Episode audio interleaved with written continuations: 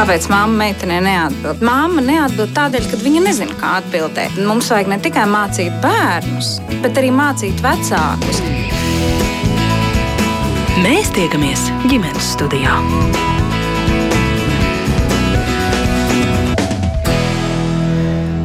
Labdien! Priecājos sveicināt jūs visus redzējumu ģimenes studijas klausītājus. Mans vārds ir Agnēs Linka un šī radījuma producente ir Ilza Zvaigzne. Ģimenes studijas uzmanību pirms kāda laika piesaistīja kāda Twitter diskusija, kas sākās ar kādas māmas ierakstu, un eh, tas bija šāds. Mana meita saņem lietotas drēbes no divām radu ģimenēm. Vienas rozā, otras ar dinozauriem, un tās rozā vienmēr ir krietni plānākas, īsākas un šaurākas. Savukārt kāda cita sieviete raksta, un tās meiteņu kleitas, cik nav parkā un pagājā pagalmā jādzird vienu un to pašu, lai kustas uzmanīgāk, jo biksītes būs redzamas, tā vietā, lai bērnam vienkārši uzvilkt apģērbu, kas ļauj brīvi justies. Nu, varētu jau šķist, ka tikai tādas mammu sarunas garām ejot, taču papētot eh, šo tematu nedaudz tuvāk, nākas secināt, ka joprojām diezgan eh, daudz arī pētnieku runā par agrīnu meiteņu seksualizāciju un tieši caur apģērbu, eh, gan apģērbu piegriezumu, gan par vēstījumiem, ko sabiedrībai, bet galvenais pašām meitenēm nes gan, gan mammu, gan skaisti sapucēto leļu ārējais izskats, kā arī ražotāju piedāvātās uh, mazās kurpītes jau ar papēžiem, mazuļu peltkostīmi ar atsevišķiem krūšturiem, īpaši pieguļošie sporta tērpi un arī svētku drēbes, kas viss kā viens pētnieku prāts saka mazai meitenei, ka tev galvenais būtu smukai un mīlīgai un māca tādējādi, ka ārējā pievilcība ir sievietes vērtība numur viens. Tā nu arī ģimenes studija šodien lēma veltīt sarunu šim um, tematam un redzim viešņus šodien Latvijas Universitātes komunikācijas studiju nodaļas vadītāja asociētā profesora Marita Zītmane. Labdien! Labdien! Bloga es pats veidotāja un piecu bērnu māma Viktorija Vazola. Labdien! Kā arī privātās pirmsskolas Pepijas skoliņa vadītāja Kristīna Straume šodien ar mums kopā ģimenes studijā. Kristīna, labdien arī jums! Labdien! Es zinu, ka jūs arī pati esat trīs bērnu māma un ceru, ka arī dalīsieties ar savu pieredzi kā vecāks. Un uh, arī jūs klausītāji, kā Allaž, protams, varat pievienoties šai sarunai ģimenes studijā, ja jums ir kas sakāms, pieredze, vērojumi, komentāri, kādi jautājumi varbūt, vai varbūt pārdomas par to, tad rakstiet mums, sūtiet ziņas Latvijas radio mājaslapā. Sākšu ar um, jautājumu laikam Viktorijai. Kādi ir tie tavi vērojumi par meitenēm un zēniem domāto apģērbu atšķirībām? Tieši tā arī ir, ka, ka meiteņu drēbes ir īsākas, piemēram, tie paši šorti. Puikas šorti, man ir taču arī divi, ja, kas ir viena vecuma. Tā tad ir, ir viens dažādi izmērs? Dažādi dzimumi, jā, jā puika un meitene. Un, protams, ka, ja pērk vienam un tam pašam izmēram puiku šortus un meiteņu šortus, meiteņu šorti ir knapi pāri dibenam, un puikas šorti ir gan platāki, gan garāki. Uh, bet krāsa ir tāda neizteiksmīgāka parasti. Man, man viens no dēliem vienreiz prasīja, tad, kad man bija divi dēli un piedzima trešais bērns meita, tad man uh, puika prasīja. Meitenēm vienmēr tādas smukākas drēbes, vai ne? Un es centos viņu tā mierināt, ka, nu, nē, nu, paskatieties, jums jau arī šī tādas un tā, un tas uzzīmēts kaut kas. Bet viņa novērojums bija ļoti precīzs, un tas bija nepilnu četru gadu vecumā, kad viņš šādu novērojumu veica. Mm -hmm. Vai tev kā māma tas satrauc? Mm, es piedomāju par to, lai arī puišiem ir krāsainas drēbes, nu, tik ilgi, cik viņi to ļauj. Jo tie, kas ir bez piecām minūtēm pusauģi manā ģimenē, tur jau es īpaši daudz vairs nevaru ietekmēt. Tur viņi paši izvēlās jau tās krāsas, kādas viņi grib. Bet um, mazajiem es tomēr paskatos. Um, man citreiz ir žēl, ka es ieju veikalā un skatos, ka tās bērnu drēbes mēdz būt nu, tādas spēlēcīgas, brūnganas, spēlēcīgas. Man liekas, nu, kad tad vēl, ja ne bērnībā? Viņas ir krāsainas, skaistas, izteiksmīgas. Un tad ir atsevišķi veikali, kur mēs zinām, ka tur varēs atrast.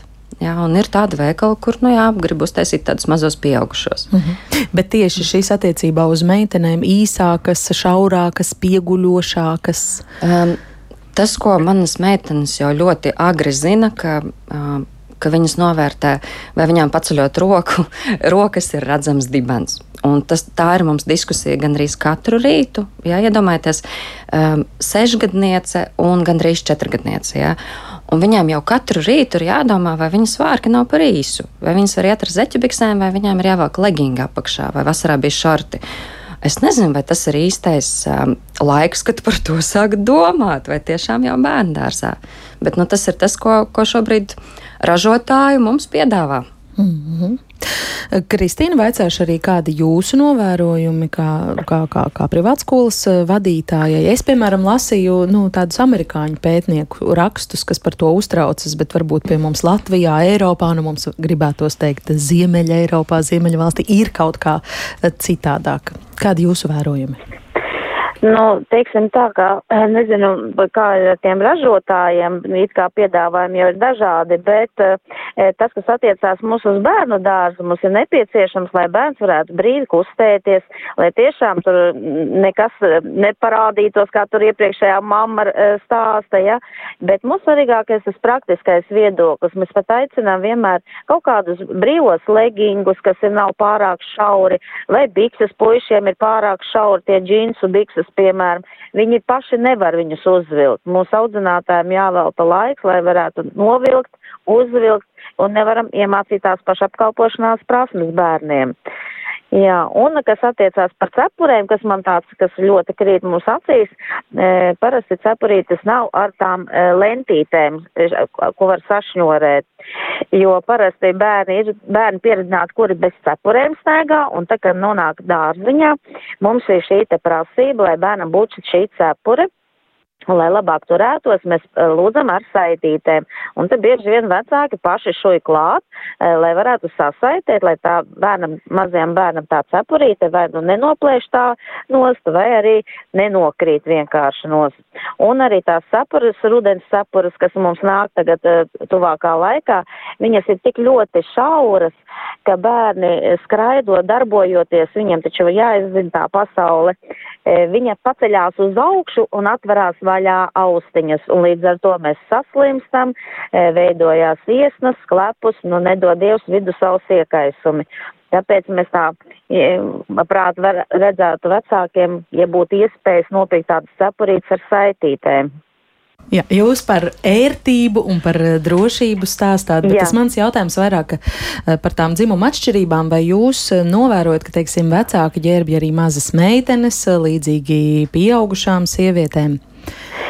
Jā, ir tāda vecākiem tendence, bet um, ir tā, ka mēs uh, parasti bieži vien veltam laiku, kad mums ir pirmā iepazīšanās reize ar vecākiem, e, ka mūs interesē tā praktiskā daļa un ka tā stila kleitas, kas mums uh, šobrīd, nu, nav svarīgi, jo mēs mācāmies šīs te e, pašapkalpošanās prasmes, lai bērniem būtu ērti un, nu, jā, nu, grib, nagus lako un, un pucē un viss, bet, nu, tas nav tas praktiskais, kas mums tā kā vajadzīgs dārziņā ziņā. Mm -hmm. Nu, un par to nagu lakošanu jūs eh, veltat laiku, mēģināt kaut ko ieteikt vai pārunāt? Mēs runājam, jāsakam, ka tomēr nu, tas eh, dārziņā nav tā pieļaujamā eh, lieta, ka mēs tomēr kaut kā sevi pasniedzam savādāk, vai tā varbūt tās krāsaināka kleita, vai, vai tā, ka tie nagu lak, lakošana jāatstāja jau jaunām dāmām, nu tā kā uz vēlāku laiku. Ja.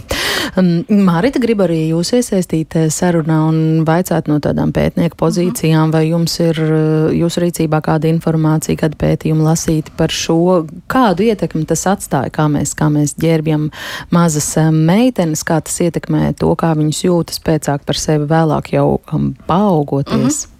Nu, viens nedaudz atbildot uz, uz arī uz Viktorijas teikto par, um, par puišu apģērbu, kā, kā 13-gadīga tīņa mamma var piekrist, ka veikali nesniedz apmierinājumu, ka ienāk iekšā un paskatās. Vienmēr ir secējums, kāpēc meitenēm tik daudz un kāpēc puišiem ir tik maz drēbi. Uh, un par tiem šortiem īstenībā tas, tas ir pat pētījumos apstiprināts, ka meiteņu šo šortu, šortu piegrieznes ir izteikti tādas seksualizētas gan izgriezuma ziņā, piegriezuma ziņā, gan arī īsuma Zinātnes ziņā, gatavojoties šodienas raidījumam, es tādu pat atradu šādu tabulu, kas, kas salīdzināja. Nu, jāsaka, ka te, mēs, te ir drīzāk ir runa par tādu ļoti kompleksu, kompleksu sistēmu, jo nu, tas ir tāds kā neizbēgamais aplis.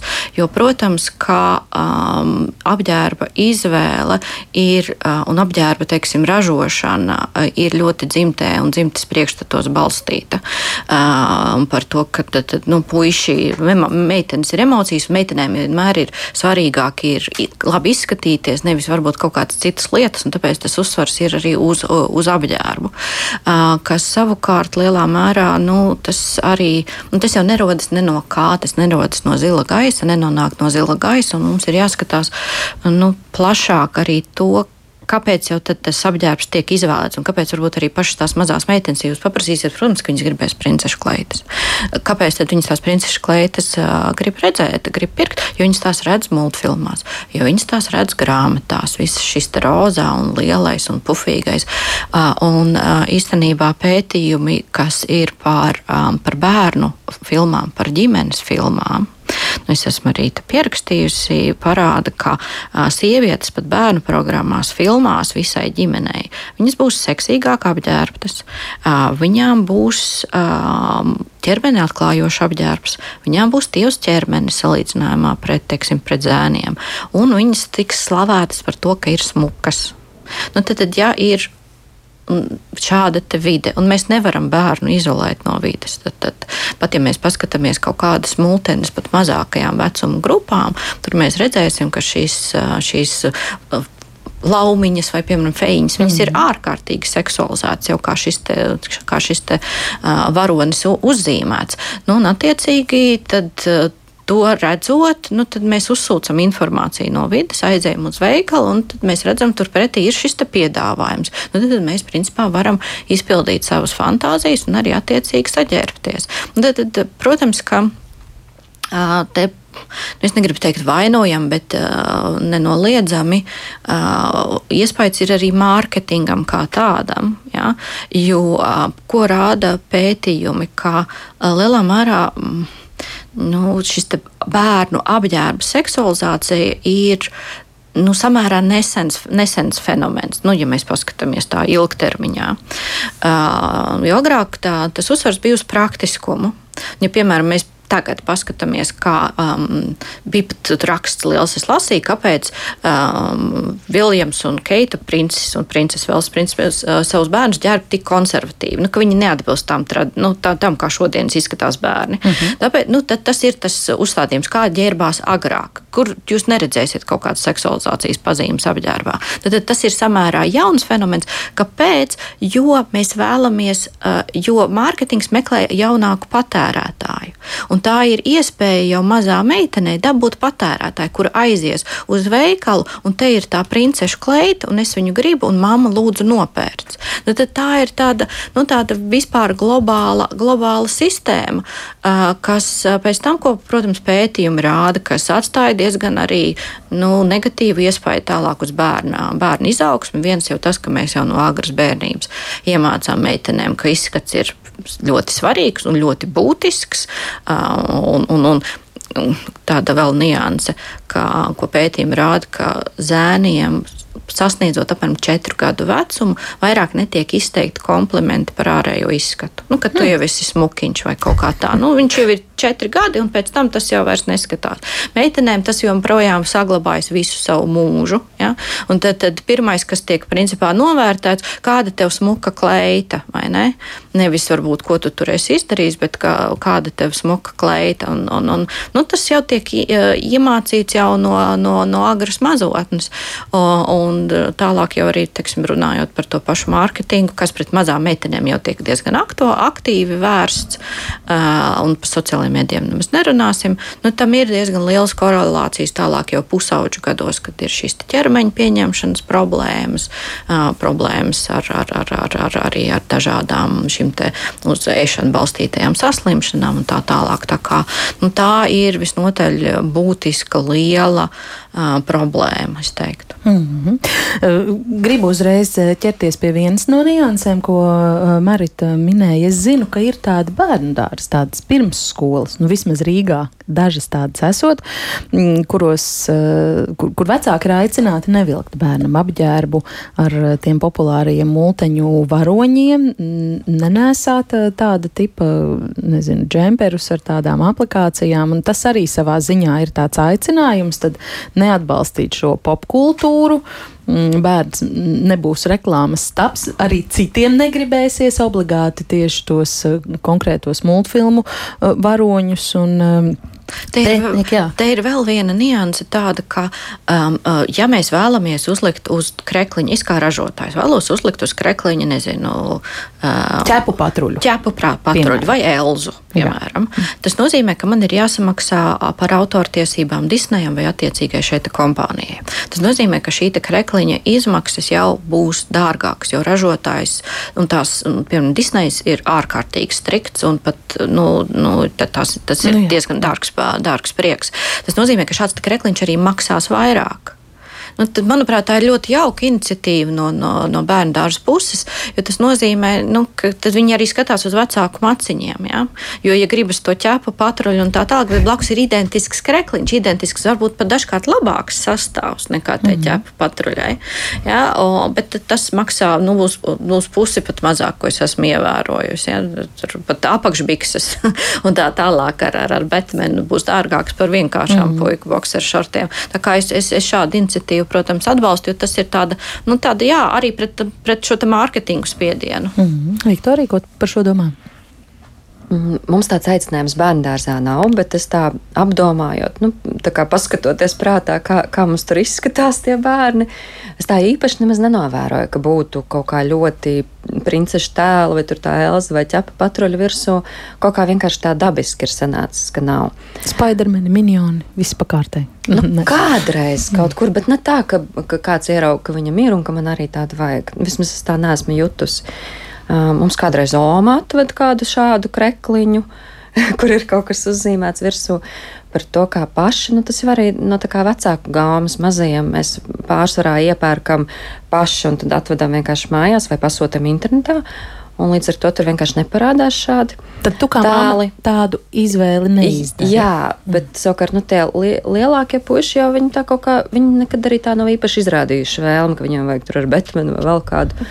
Kaut kā tā mm. vienkārši nav mūsu ģimenē. Mm. Nu jā, pētnieki arī saka to, to, ko es iepriekš mazliet nepateicu, ka būtībā pērkot eh, šādas apģērbus saviem bērniem, mēs tā kā bruģējam popkultūras ceļu uz viņu tālāk eh, smadzenēm mm. nākotnē. Eh, Kristīna, kādi jūsu vērojumi par šo, varbūt kādas pārdomas jā, par Marits teikto? Nu, mūsu dārziņā arī nav tā kā ļoti strikti, teiksim, attiecībā pret kaut kādiem multfilmu varoņiem vai, vai kādiem tēpiem. Mums vairāk tas akcents ir uz praktisko uh, daļu, lai mēs varētu ērti justies un darboties, un lai mēs varam iemācīt bērniem attiecīgi darīt tās un eh, pašapkalpošanās prasmes. Bet manā ģimenē, eh, nu jau meitai ir liela, tūlīt jau būs 18, bet viens tas rozā periods bija ļoti dikti.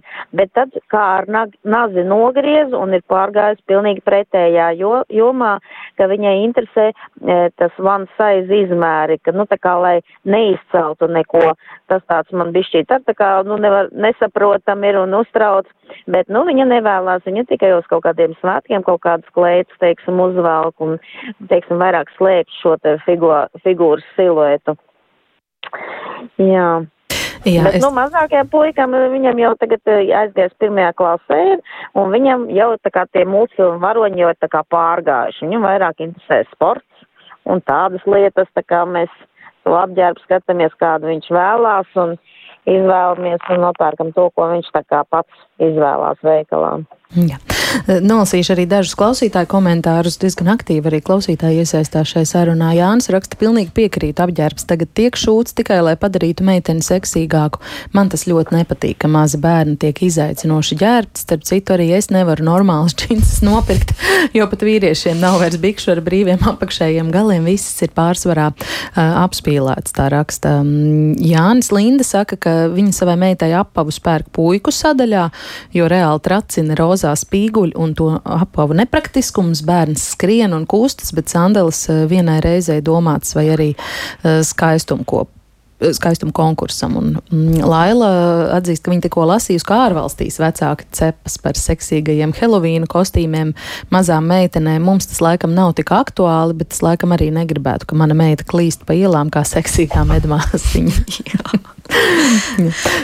Bet es vēlos arī uh, pateikt arī to, ka nu, mēs tagad koncentrējamies uz tādu, bēr, tādu bērndārza um, vecumu posmu. Jā, pie pusaudžiem mēs pāriesim jā, vēl. Jā. Bet, bet uh, īstenībā, protams, mēs nerunājam par to, ka zīdaiņiem varētu būt, nu, nedodies, ka tā arī būs kaut kāds seksīgs apģērbs, bet tāpat laikā kaut kāda tāda nu, ļoti, jau, ļoti skaidra uh, ielikšana rozā vai zilajā trauciņā ir absolūti principā, no piedzimšanas brīža. Ja? Tur, tur, tur, tur tas tā līnija ir, ir, ir ļoti skaidra. Kā, nu, principā, tas iet jau tiešām no bērnu piedzimšanas, šī krasā izteikta atšķirība apģērbā, arī rotaļlietās un, un visā pārējā šis iezīmēšana ar rozā krāsu. Un, nu, un, un, un, nu, es domāju, ka kādā pusauģu vecumā jā, tur jau sākas cits, cits lietas, bet, bet tas mārketings spiež uz, uz šo. Nu, nu, uz šo izvēli. Rozā un zils jau, jau principā kopš zīdaiņa drēbītēm. Kaut gan, protams, lielākā daļa vecāku ietai pavadā, tomēr mm, ļoti daudz ir tādu, jā, kas izvēlās speciāli jau mazuli gaidot šīs dzimuma neitrālās eh, drēbītes sagādāt. Kā tas bija tev, Viktorija? Um, tad, kad es gaidīju pirmo bērnu, es ļoti strikti pie sevis izdomāju, ka man nebūs nekas tieši, tieši vai nu zils vai rozā. Un tad es aizgāju uz veikalu. un tad es aizgāju uz veikalu un sapratu, ka ir ļoti maza izvēle dzimuma neitrālās krāsās. Ja vēl tādiem pavisam zīdainīšiem, jaundzimušajiem vēl kaut kas ir bēšīgs, zaļš vai, vai dzeltenīgs, tad pēc tam ir tā, ka, nu, vēl balts. Tad, jo lielāks bērniņš aug, jo tā izvēle samazinās, un ir ļoti stingri jau nodalīts, kur ir puiku drēbes, kur ir meiteņu drēbes.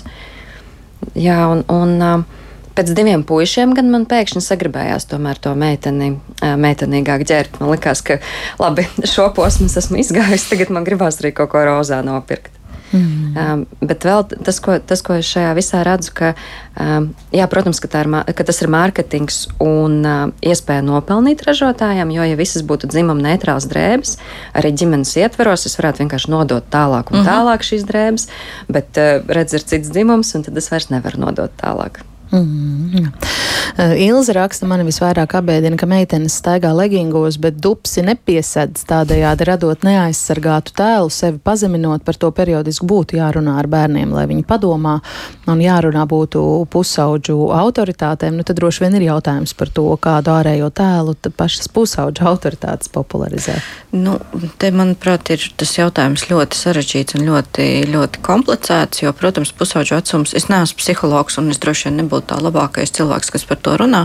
Bet te ir jāsaprot, ka strauji samazinās tas, kas ir ģimenes autoritāte un ietekme, un ļoti palielinās tas, kas ir šīs ārējās publiskās, publiskās autoritātes. Un, un, un, un šodien, šodien man jau jāsāk runāt kā tādam vecam cilvēkam, un šodienas pasaulē ar visiem sociālajiem tīkliem, kurš tad var izkontrolēt, kam tur tie bērni seko. Ja, bet, bet nenoliedzami, un te ir parādās vēl viena tāda, tāda tendence, nu, kas arī, pie, ko arī pētījumi apliecina, ka, ja sociālajos tīklos, teiksim, tas tajā pašā Instagramā vai TikTokā vēlies dabūt uh, pie, sekotājus, pievilcību, nu, uzaudzēt sevi kā šo influenceri, tad, tad viss tāda pārbaudītākā recepte ir tieši ļoti provocējuši seksuālā, seksualizēti attēli. Nu, tad, attiecīgi, nu, tas ir droši vien tas saturs, ko mūsu bērni patērē sociālajos tīklos, nenoliedzami atstāja iespaidu, un kas, ka, ka tā ziņa, ko arī iemācās pusauģi, vēl arī, nu, teiksim, tajā jaunākajā grupā, ir tas, ka tas tas ir tas ceļš, ja? ka pārdod savu, caur savu ķermeni, es varu iegūt panākumus, popularitāti, atpazīstamību un visas, visas pārējās, pārējās lietas. Jā, man sanāca tā ļoti mm -hmm. didaktiski. Bet tā tas droši vien ir. Un starp citu, mūsdienās man arī jāsaka, kā vecam cilvēkam. Mūsdienu pasaulē nav retums, ka arī bērnu dārznieks ir TikTokā ar savu kontu vai vismaz aktīvi patērē to, kas tur tiek publiskots publiskots. Kristīna, nav jums bērnu dārzniekiem skapīšos? Daudziem mobīlē telefoni? Nu, mums ir tā, ka mūsu grupiņas ir pavisam mazi bērniņi, un no pieciem gadiem mēs strādājam līdz pieciem gadiem, un no pieciem gadiem dodam tālāk valsts dārziņā. Un par telefoniem nē, mums nav bijuši tā, tādas problēmas, ka, nu, nedod neviens. Nu, uh, lieliski, ka, ka, ka tā, un ceru, ka tā arī turpināsies. Uh, pagaidām teikšu paldies par dalību redzījumā ģimenes studiju privātās pirmsskolas Pepijas skoliņu vadītāja Kristīnai Straumai. Paldies, ka dalījāties Jā, paldies. Savos uh, uzskatos un uh, vērojumos. Jā. Anna raksta man kā meiteņu mammai gan reizēm liekas, ka tieši puišiem ir lielāka apģērba izvēle, jo meitenēm ātri visu izpērk, jā, iespējams meitenes tiešām vairāk pucē, biežāk maina drēbes, bet par to pārmērīgo seksualizāciju nu nezinu. Tuvāko jauniešu lokā to nenovēroju, tas, kā staigāja jaunas meitenes 90. gados, bija daudz vulgārāk. Tagad uh, Anna saka, ka viņi neredz minisvārku, stīkliņu zeķes un 15 cm augstus papēžus. Man mūsdienu bērnu un jaunieši šķiet daudz pašpārliecinātāki, daudz uh, sportiskāk un ērtāk ģērbušies. Tas droši vien atkarīgs no sociālajiem burbuļiem, ne tā? Domāju, ka noteikti. Domāju, mm ka mhm. noteikti. Un, un te jau arī ir tas, ka ir tās diezgan krasas atšķirības, ja mēs runājam par šo bērnu dārza vecumu, tālāk jau tā, tāda pusauģa un, un vecākie pusauģi, kur ir citi, um, citi uh, šie role modelis, un, un, uh, un tur šis tāds uniseks stils ir, ir visnotaļ, visnotaļ izplatīts. Un, un tas arī, uh, ko, ko viena vien no sarunas dalībniecēm arī minēja par šo one size un vispārējo. Tā kā, nu, tad, tad tās atšķirības ir. Mēs, diezgan, mēs vairāk šeit runājam tieši par šo bērnu dārzu un kā rāda pētījumi. Tad, tad, kas, kas, um, kas ir tā nu, ļoti es negribu teikt traumējoši, bet tāda tā statistika, kas man teiksim, pašai ļoti nepatīk, ka, teiksim, ja mēs runājam par mākslas filmās, par mākslas filmām, tad tendence parādīt um, seksuāli atklātākos apģērbus ar vien jaunākas sievietes, tā palielinās. Tad, tad principā, ja mēs salīdzinām filmas pirms 30, 20 gadiem un šodienas, tad ar vien jaunākas un jaunākas un jaunākas meitenes, pat bērni tiek izteikti parādīti tādās, tādās seksualizētās. Um, seksualizētos apģērbos. Mm -hmm. nu, tas atkal ir, nu, tas rada tālāk jau to iespēju, ka tas ir tas, ko mēs skatāmies, tā to arī redz mūsu bērni, un nu, tas, ir, nu, tas veido šo vidi un šos lielos vēstījumus par, mm -hmm. par, par izskatu. Mm -hmm. Es arī skatījos vienu Amerikas psihologu asociācijas mm -hmm. interviju par šo tēmu, kur eh, speciāliste žurnālistam stāstīja, ka šajā kontekstā var runāt par to, ka 12 ir jaunie 20, respektīvi 12 gadīgas meitenes meitenes izskatās diezgan eh, līdzīgi tam, kā agrāk eh, ģērbās un, un, un sevi izcelt mēģināja 20-gadīgas sievietes. Un es uzgāju arī kādu rakstu, kurā amerikāņu, starp citu, kāds sporta psihologs, bet viņš ir arī divu meitu tēvs, Jims Taylors. Viņš arī savi, sevi sauc par parenting, ja vecākošanās entuziastu un ekspertu. Nu, tam parenting nav tāda laba latviska tulkojuma.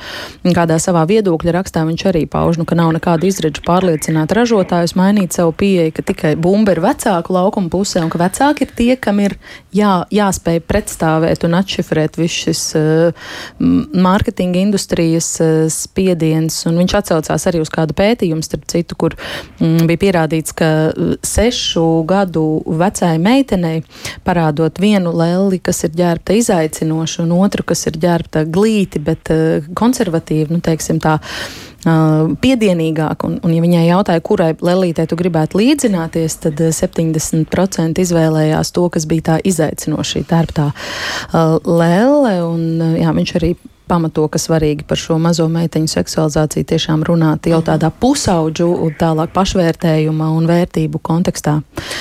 Jāsaka, ka nu, te, mē, te ir svarīgi um, arī atzīmēt to, ka bērniem kopumā šī uztvere ir, ir, um, ir atšķirīga tādā ziņā, ka, piemēram, pēt, ja mēs runājam piemēram, par reklāmas komunikāciju, kas ir ļoti, ļoti izpētīta, jo tā ir ļoti pārliecināta, tā ir pārliecināšanas komunikācija, tā izmanto dažādas pārliecināšanas, pārliecināšanas līdzekļus. Un tad, tad ko parāda pētījumi, ka principā bērns tikai aptuveni septiņu gadu vecumā saprot reklāmu pēc pārliecināšanas nolūka. Pirms tam ir kaut kāds posms, kad atšķir reklāmu vienkārši vienkārši pēc ārējiem faktoriem. Nu, viņi ir skaļāki, viņi ir īsāki un tā tālāk. Bet tikai septiņu gadu vecumā apmēram saprot, ka reklāma vēlas man kaut ko pārdot. Pirms tam tā attieksme pret reklāmu ir visnotaļ nekritiska. Un tad, tad daudzās valstīs, piemēram, ir aizliegt, aizliegts likt uh, reklāmu starp bērnu uh, filmām un starp bērnu raidījumiem, jo tas viss saplūst vienā un ko rāda multinīte, un tad, tad tā ir reklāma. Līdz ar to tad, tad bērns uzreiz arī uh, vienkārši par to, ka ir bumba vecāku, vecāku dārziņā, kāpēc to visu stāst. Jūs iedomājieties, ka bērns uh, ierauga kaut ko nu, ir ķepa patruļi, un pa vidu vēl parāda multinīti, un tur ir ķepa patruļas pārslas. Nu, aizēja ar to savu bumbu savā, savās rokās, un tagad neļauj viņam tās pārslas veikalā nopirkt. Ja? Nu, tas nav tik vienkārši. Nopirkt var, vēl var neļaut, bet pamēģina neļaut gribēt. jā, nu, jā nu, tad, tā, tas, protams, es vienkārši, nu, vecāki vieni paši šajā situācijā, ko es vēlos pateikt, ne, nevar paveikt visu šo lietu. Ja? Tad te ir drīzāk jāstrādā ar, ar, ar kompleksiem, kaut kādiem risinājumiem, bet visu atbildību uzlikt vecākiem tas nav iespējams. Mm. Viktorija, man, man vienkārši ienāca prātā pavisam nesens notikums, ļoti līdzīgi. Tas nebija par pārslām, bet uh, bērni bija, bija ārā parkā. Un kāda politiskā partija pienāca ar baloniem pie tiem bērniem, pienāk klāt un skatās uz to tēti un prasa, vai mēs drīkstam iedot tos balonus bērniem. Kā tieši, lai tētis tajā mirklī, kurš bija ar viņiem kopā, pasaka, nē, jūs balons nedabūsiet. Mhm. Kā tieši? -hmm. Mm -hmm. Tas man izklausās ļoti, ļoti līdzīgi. Jā. -hmm. Vēl nedaudz eh, par pusauģu ķerpšanās eh, stilu. Es tikai atgādināšu, ka ģimenes studijā mēs šodien eh, jā, runājam par to, vai un um, kā mazas meitenes tiek seksualizētas caur apģērbu un kā tas vēlāk atspoguļojas uh, viņām pieaugot. Uh, mans saruna biedrene šodien ģimenes studijā ir Latvijas Universitātes komunikācijas studiju nodaļas vadītāja asociētā profesora Marita Zitmana un blogais pats veidotāja un piecu bērnu mamma Viktorija Ozola. Un uh, šobrīd mums telefoniski pievienojās arī Rīgas centra humanitārās vidusskolas direktors vietniece izglītības jomā Irita Skirmante. Labdien, Irita! Uh, labdien, labdien! Es gribu vaicāt, kādi tie jūsu vērojumi par pusauģu ģērbšanās stilu jūsu skolā? Kāda ir noteikuma attiecībā uz apģērbu un ģērbšanās stilu? Vai tas tiek kaut kā reglamentēts, vai kaut kas tiek ieteikts brīvprātīgi obligātā kārtā? Kā ir jāģērbjas un kā nebūtu vēlams ģērbties uz skolu? Jo mēs gribam drusku parunāt par to, cik lielā mērā mums vecākiem vai, vai skolas vidē ir jācenšas ierobežot um, tās izpausmes, tad, kad viņi jau ir skolnieki jā, pusauģi. Nu, sapratu jautājumu, jā, mums skolā tātad 1. un 4. klasē ir skolas formas. Uh, un uh, sākot no 5. klases, uh, skolēni tiek iepazīstināti ar skolas iekšējās kārtības noteikumiem, un tur mums ir prasības skolēns drīkst ģērbties pietiekami brīvi, bet tur man laikam šobrīd vieglāk ir uzskaitīt, ko nedrīkstētu. Uh, līdz ar to tas ir saplēsts apģērbs, apģērbs, uh, kurā ir atkailināts, nu, tas vairāk uz meitenēm attiecas atkailināta plecu daļa, bēdara zona. Mums ir noteikts, ka nedrīkst staigāt sporta apģērbā, un mēs skolā nestaigājam arī ar cepurēm. Nu tā, Tas ir tā, tas lielais, jā, pirmā daļa. Jā, kā šie noteikumi ir tikuši izstrādāti? Vai tie ir sadarbībā ar pašiem skolēniem, vai tā ir pieaugušo noteikta? Gan, gan. Tas ir jau uh, patiesībā ļoti sen. Uh, tas ir pamazām arī pielāgots. Mēs ļoti daudz uh, strādājam kopā ar vecākiem. Ar, uh, mums ir fantastiska atbalsta biedrība, vecāka atbalsta biedrība, kura nāk ar saviem priešlikumiem, kura arī pirms diviem gadiem, ja nemaldos, vai trim izstrādāja tādu pusauģu apģērba līniju ar skolas logo. Un arī daži jaunieši izvēlējās, bet uh, arī viņu iniciatīva bija, nu, teiksim, svētkos ierosināt uh, lietišķās krāsas, izmantot un tam līdzīgi. Ja? Kā mums tas ikdienā sanāk, ir dažādi. Bet es teiktu tā, ka ja mēs runājam par vispār skolas eh, noteikumu pārkāpšanu, tad nu, šie laikam nebūs tie visvairāk eh, pārkāptie. Nu, ir, ir jauniešiem patīk sporta uh, elements ģērbt, meitenēm patīk saplēstie džinsi, un mēs aizrādām. Jā, mēs aizrādām. Un kas notiek tad, kad jūs aizrādat par saplēstajiem džinsiem, par atklātajiem uh, vēderiem vai tiem dziļajiem dekoltē? Jā, mēs pirmkārt mēģinam to izdarīt korekti. Tas ir ļoti atkarīgs no konkrētā bērna. Cits sakaunējas un nevēlas, ka viņam to aizrāda un neģērb, nu, bet ir, protams, tie protestanti, kuri, kuri ģērbjas un ģērbjas, bet tādu tiešām ir maz lielākā daļa. Nu, es teikšu tā, ka jaunieši ģērbjas interesanti un viņi mēģina atrast to līdzsvaru starp, starp moderno un skolas prasībām. Un tas, ko es arī raidījumā klausījos, tas oversize, un arī jauniešiem ir ļoti populārs, nu, iepirkties second hand veikalos, un viņi variē to stilu. Jā, protams, reizēm ir varbūt uz gaumas tāds uh, trūkums, bet viņi arī mācās. Viņi arī mācās. Vai jūs novērojat arī to, ka uh, ir šīs uh, ietekmes par to, ka jaunas sievietes, jaunas meitenes, varbūt pat vēl mazas pusaudzes uh, apģērbā ienāk uh, kaut kas, kas būtu raksturojams kā nepiedienīgi, ļoti atklāti, ļoti seksualizēti, pieguļoši, dekoltēti un tā tālāk? Jūs domājat, mazās meitenes tas ir vairāk uh, sākuma skolas Nu, nē, nē, nu, teiksim, nu, tur 6. un 7. klase droši vien tas nu, kļūst ir, ļoti man. Protams, nedaudz pārsteidz, ka, ka nu, pirms gadiem nezinu, pieciem, desmit ļoti reti varēja redzēt lakotus nagus, uh, piemēram, piektā, sestā, tad šobrīd es redzu arī gelišu nagus un pieliktos nagus, ja, un Tu, tur uh, es arī iepriekš pieminēju to sadarbību ar vecākiem. Mēs šo te mēģinam izskaidrot un runājam ļoti daudz uh, plašu vecāku sapulcēs uh, un uh, nu, mēģinam arī šādu ceļu, nevis bet... tādu striktu aizliegumu. Un ko jūs sakāt viņiem, ja tas nav strikts aizliegums, nedrīkst? Kā jūs to pamatojat? Mēs mēģinām skaidrot. Mums ir uh, dažādas uh, pro, nu, programmas, kas ir gaumīgas, kas ir vecumam atbilstošas, ir uh, sociālo zinību stundas, kurās viņi paši darbojas. Tur ir arī veselības ļoti daudz jautājumu tieši par tiem pašiem gališnagiem un kurā vecumā tas ir. Viņi to lieliski saprot. Viņi saprot ļoti daudz par ēšanu un tiklīdz ar viņiem sāk darboties, viņi jau to zina zina.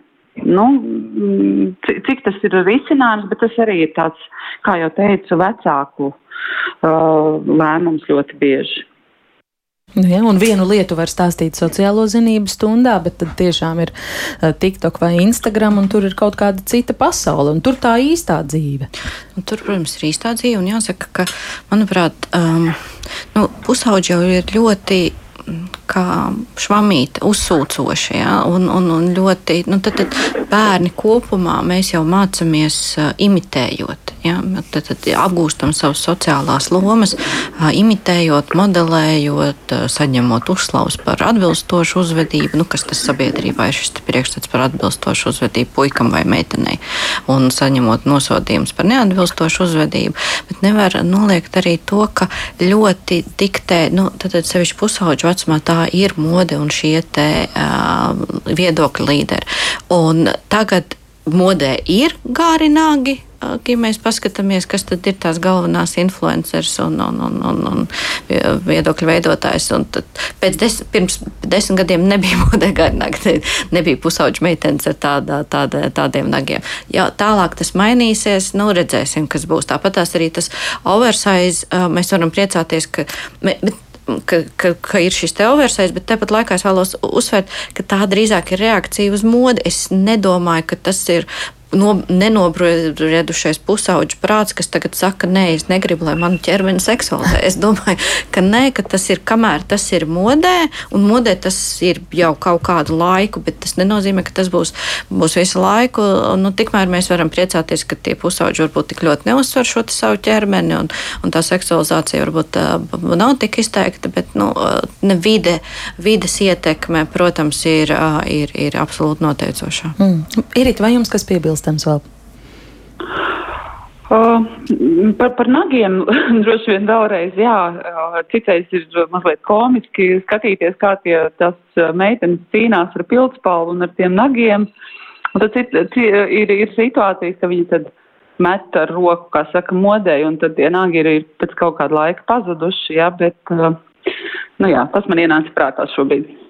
Jā, paldies arī Rīgas centra humanitārās vidusskolas direktoras vietniece izglītības jomā Iritai Skirmantei. Viktorija, Vai tavuprāt, skolai ir jāreglamentē to, kā bērni ģērbjas, tad, kad mēs runājam par lielākiem bērniem? Nu, ok, tev nav mm. lielas meitas pagaidām, tev vecāki ir puikas, jā, pusauģi. Bet uh, man patīk arī, jā, ka skolā pasaka, ka nu, nezinu, nu, nenākam ar netīrām drēbēm vai, vai neejam sporta tērpā pa skolu. Un arī puiši to pieskata. Viņi skatās, kāda viņi ir. Mums ir arī noteikts par, par svētku drēbēm. Un arī, arī to var ļoti skaisti redzēt, ka viņam patīk, ka jā, patiešām tā ir svētku drēbe un svētku drēbes. Un uh, interesanti ir tas, ka man uh, vecākā puiša kā, nu, klase, viņa, viņa klases biedri, viņi visi ļoti, ļoti grib arī tās žaketes. Mums mm. kā liekas, kā vecākiem ārpēc nu, tik liela nauda par to, nezinu, Ziemassvētkiem un 1. septembra, bet viņiem tik ļoti visiem vajag. Un, un tas ir tik interesanti, ka arī klases biedra māmas saka, un manējais tā prasīja, saka, jā, manējais arī. Tur kāds influenceris. Tur ir minioni. tur ir taču tie minioni, ka visi gājuši. Nē, viņi neskatās minionus. Nē, nē, nē, bet tas, tas, tas bija, nē, tur bija tas, tas, tas viss saistīts ar sociālajiem tīkliem, ka visi gāja žaketēs saģērbušies jau tādi palieli pusauģi. Tas bija Tas tā kā flashmobs, kas pārņēma pasauli un taču aizliedza, pat nelaida iekšā kinoteātros pusauši, kas bija tērti žaketē. Nu, tur ir kaut kāds baigais stāsts, ko es tā pavirši zinu. Tā, tā, nu, neesmu novērojis mūsējiem, ka par tiem minioniem runātu, eh, bet, eh, protams, nenoliedzam tā ir iekļaušanās grupā, mhm. sociālajā mm -hmm. grupā, iekļauties pusauģu vecumā ir daudz, daudz svarīgāk nekā jebkurā citā Jā. vecumā. Um, Un, ja viņš vēlas iekļauties sociālajā grupā, nesājot, es nezinu, tur saplēstu vai, vai, vai, vai jako ar durkļiem, vai smagnējas ķēdes, vai kaut ko tādu, vai šo pašu dziļo dekoltē, jo viņš vēlas iekļauties sociālajā grupā, kurā tagad visām ir kēlenāgi. Pēc ir skolas. Varbūt to var darīt pēc skolas, draugu grupās. Jo man liekas, mēs kā runājam par to, ka no nu, agrāk jau tā nebija. Bet es atceros, ka bija gan. Man bija tas mm. īsais tops ar pliko nabu. Bet Manam vīram laikā nereglamentēja to Manā, stipri, man liekas. Nē, man aizrādīja skolotāji. Mm. bet es tagad domāju, ārpēc, bet tas bija vislabākais vecums, kad tā staigāt jo es izskatījos vislabāk. Es tagad nemūžam neuzvilktu īso topu. Mm. Labi, ka es to izmēģināju toreiz. Protams, ka ne skolā. Mm. To labāk mēģināt, jā, bet, bet tā principā es arī domāju, nu, vīram bija trubas. Viņš staigāja ar trubām pusauģu vecumā. Nu, nav tā, ka nu, trubas bija tās platās, platās bikses.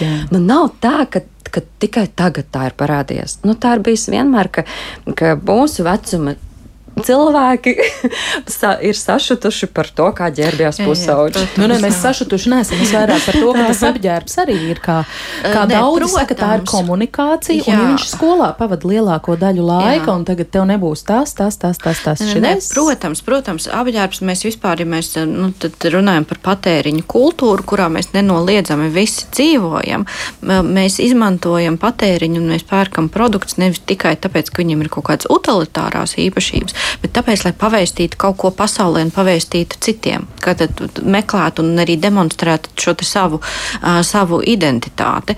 Un skolai, jā, ir šis ārkārtīgi šaurais balans, kas jānotur starp nu, kaut kādiem saviem iekšējiem uzstādījumiem un to, kā lai tas nenogra, ne, negrauj pašizteiksmes meklējumus. Tāpēc es domāju, ka kaut kāda skolas forma, kas ir vienkārši skaidri līdz noteiktam vecumam, nu, tas tas būtu varbūt tas, tas labākais, labākais kompromiss. Jo nu, te arī ir, ir vēl viena tāda lieta, ka nenoliedzami, ka skolas, diemžēl, kā socializācijas aģenti un kā autoritātes, ja, loma mazinās šajā sociālo tīklu laikmetā. Ja. Ir daudz vieglāk piekļūt un redzēt un dabūt tās autoritātes un, un tos, to, to, to kam, kam vēlamies, vēlamies līdzināties. Un te ir arī jānotur skolē tas lielais, tas, tas ļoti balans, lai to mēs, mēs būtu autoritāti, tāpat laikā mēs būtu kaut kas, kas ir ar šo pozitīvo zīmi. Jo ir tik daudz pārējo, kas nu, tad, tad sociālajos tīklos ir tā brīnišķīgā arī iespēja ļoti ātri atrast domu biedrus, ļoti ātri atrast atbalstu, virtuālu atbalstu, bet, bet tomēr.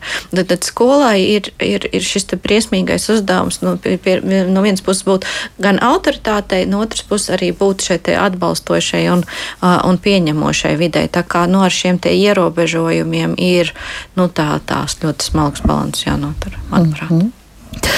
Jā, neatkarīgi no tā, kādas ir kultūrālās normas pusauģa vecumā, cilvēkiem ir vēlme izpaust sevi caur apģērbu un um, dažkārt tieši ar to izcelties. Uh, tam piekrīt un tā saka arī Egziperī starptautiskās skolas direktors Artūrs Piļkēvičs, kurš šo ir novērojis strādājot arī citās valstīs un citos kontinentos, un arī viņš ģimenes studijai pastāstīja par viņa vadītās iestādes reglamentu attiecībā uz skolēnu ārējo izskatu un ģērbšanos. Paklausīsimies!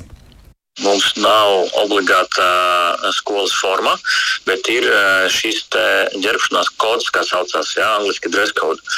Šis kods reglamentē tādas normas, ko skola uzskata par pareizu.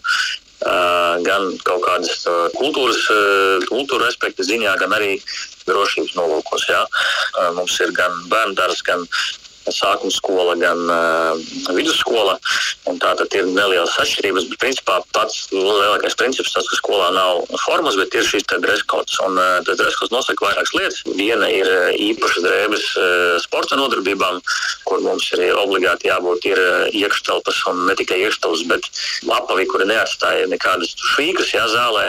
Un otrs ir drēbes, kuras ir pielāgotas tieši nodarbošanās ar sportu sportam pielāgotam jābūt. Otra lieta ir eh, drošība. Eh, tur nevar nekādas tur acu priekšmets arī nes uz skolu. Un, eh, protams, ka trešais ir kultūrālā sapratne par to, ka nedrīkst būt uzrakstiem virsū, kas ir jebkādā veidā popularizē vai vispār atspoguļo tur aizliegtās vielas. Nu, ne, nepieklājīgas kaut kādas, jebkurā valodā frāzes, rasismu un, un tādas lietas. Tas nedrīkst būt, lai nekas tāds netiek uzrakstīts vai uzzīmēts uz, uz, uz drēbēm. Un ceturtais ir Protams, jebkas, jā, pat par, par, par visām narkotikām vielām, alkoholu arī to popularizēt nevar drēbes.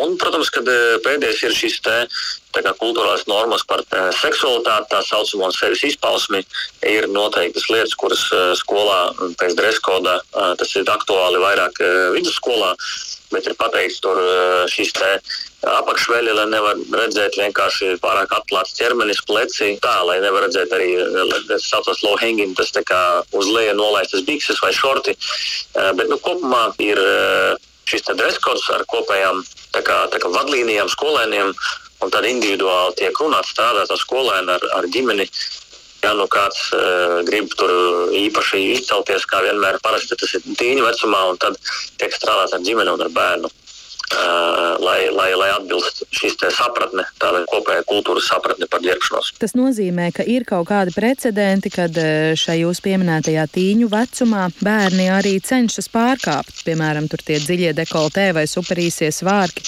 Nonāk kādreiz jūsu redzeslokā? Protams, jā. Visur, kur esmu strādājis, arī citās skolās, pirms tam citos kontinentos, un Brazīlijā un Indonēzijā. Un ir, protams, Brazīlijā strādājot pludmales tādā pilsētā, jā, tur Salvadorā, tā kā tolerance pret to, pret drēbēm, cik viņas vajag, e, ir savādāka, bet kopumā vienalga, kāda šīs kultūrālā norma, e, mēs zinām, ka tīņu vecumā šī, šī, šī vēlme izpausties, izcelties, e, kaut ko pamēģināt un, un kaut kādā veidā izcelties ir tik liela, ka, protams, kad vienmēr sastopamies ar tādiem incidentiem, kur vajag runāt individuāli ar bērnu, dažkārt ar ģimeni. Vajag strādāt ar šādu individuālu gadījumu, protams, ka gadās, jo tīņi piemīt viņiem tas, ka viņi, viņi grib izcelties, viņi grib izpausties, viņi seko vistuvāk modei. Kā mēs zinām, šī mode vienmēr ir soli pa priekšu tam, kas ir kultūrāli akceptēts.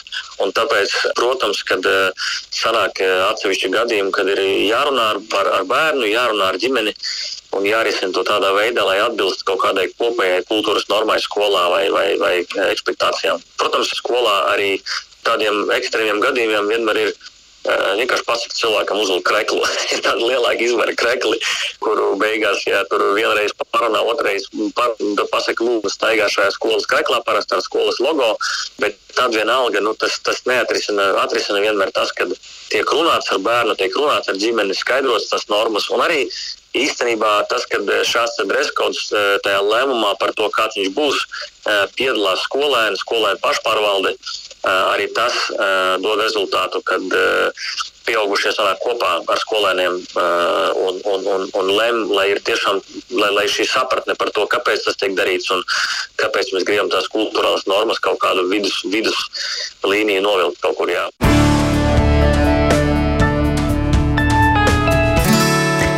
Tālāk, Egziperī starptautiskās skolas direktors Artūrs Piļkēvičs kultūras normas. Viņš uh, pretnostatīja tam visam, par ko iepriekš šeit runājām - mārketinga, reklāmas industrijas spiedienam. Uh, nē, nu, protams, un, un, un, un kult, uh, jāsaprot arī, ka šīs, te, ja mēs tā plašāk paskatāmies, arī, arī dzimtas lomas ir ļoti kultūrā balstīts. Ja? Tad, tad, tad arī uh, līdz ar to, protams, tas, kā mēs, kā mēs paģēram to, kā sievietēm un vīrietim būtu jāģērbjās un jāizskatās, ļoti atšķirsies no kultūras uz kultūru. Tā kā, jā, tas, protams, ir vēl viens arguments, ar ko var strādāt. Mm -hmm. Viktorija, par ko domāja klausoties direktorā? Um, es uh, sāku domāt par skolas formām. es aizdomājos, es domāju, cik labi ir tomēr, ka uh, Kirkas skolas, kur ir uh, sākuma skolā, ka ir tas skolas formas. Jo es iedomājos, nu, tos. Uh, nu, tos mazos bērnus, kas vēl paši īsti neregulē to savu garderobi, un to regulē vecāki.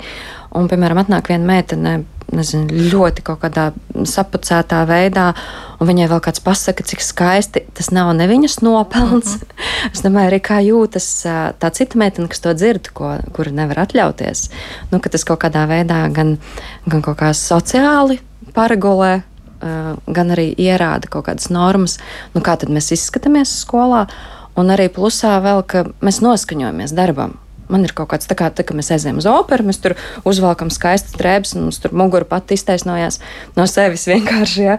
Tāpat arī varbūt skolas forma, tu viņu uzvelc un tu aizēji, un tu esi gatavs darbam. Mm -hmm. Bet mana kā mammas pieredze liecina, ka jau apmēram trešajā klasē tie sākuma skolnieki, jeb skolnieces, kurām nu gribas vairāk pucēties, pušiem varbūt tā vecumā drusku vairāk vienalga vēl, tad, tad viņas ļoti pārdzīvo, ka tur kā ātrāk tikt tajā piektā klasē, kur varēs ģērbties tā, kā nu gribās un iznesties pēc, pēc visām iespējām. Vēl dažas minūtes laika klausītāju vērojumiem vairāki raksta, ka tiešām vērojot šobrīd pusauģus, nākas secināt, ka tieši pretēji tendence pārsvarā visi ģērbjas lielos apvē, apjomīgos maisveidīgos apģērbos, garajās biksēs, platos tēkraklos un tam līdzīgi neitrālās krāsās. Nu, tātad tas ir tā tas viens mode. trends, jā, viens, jā. viens modes virziens.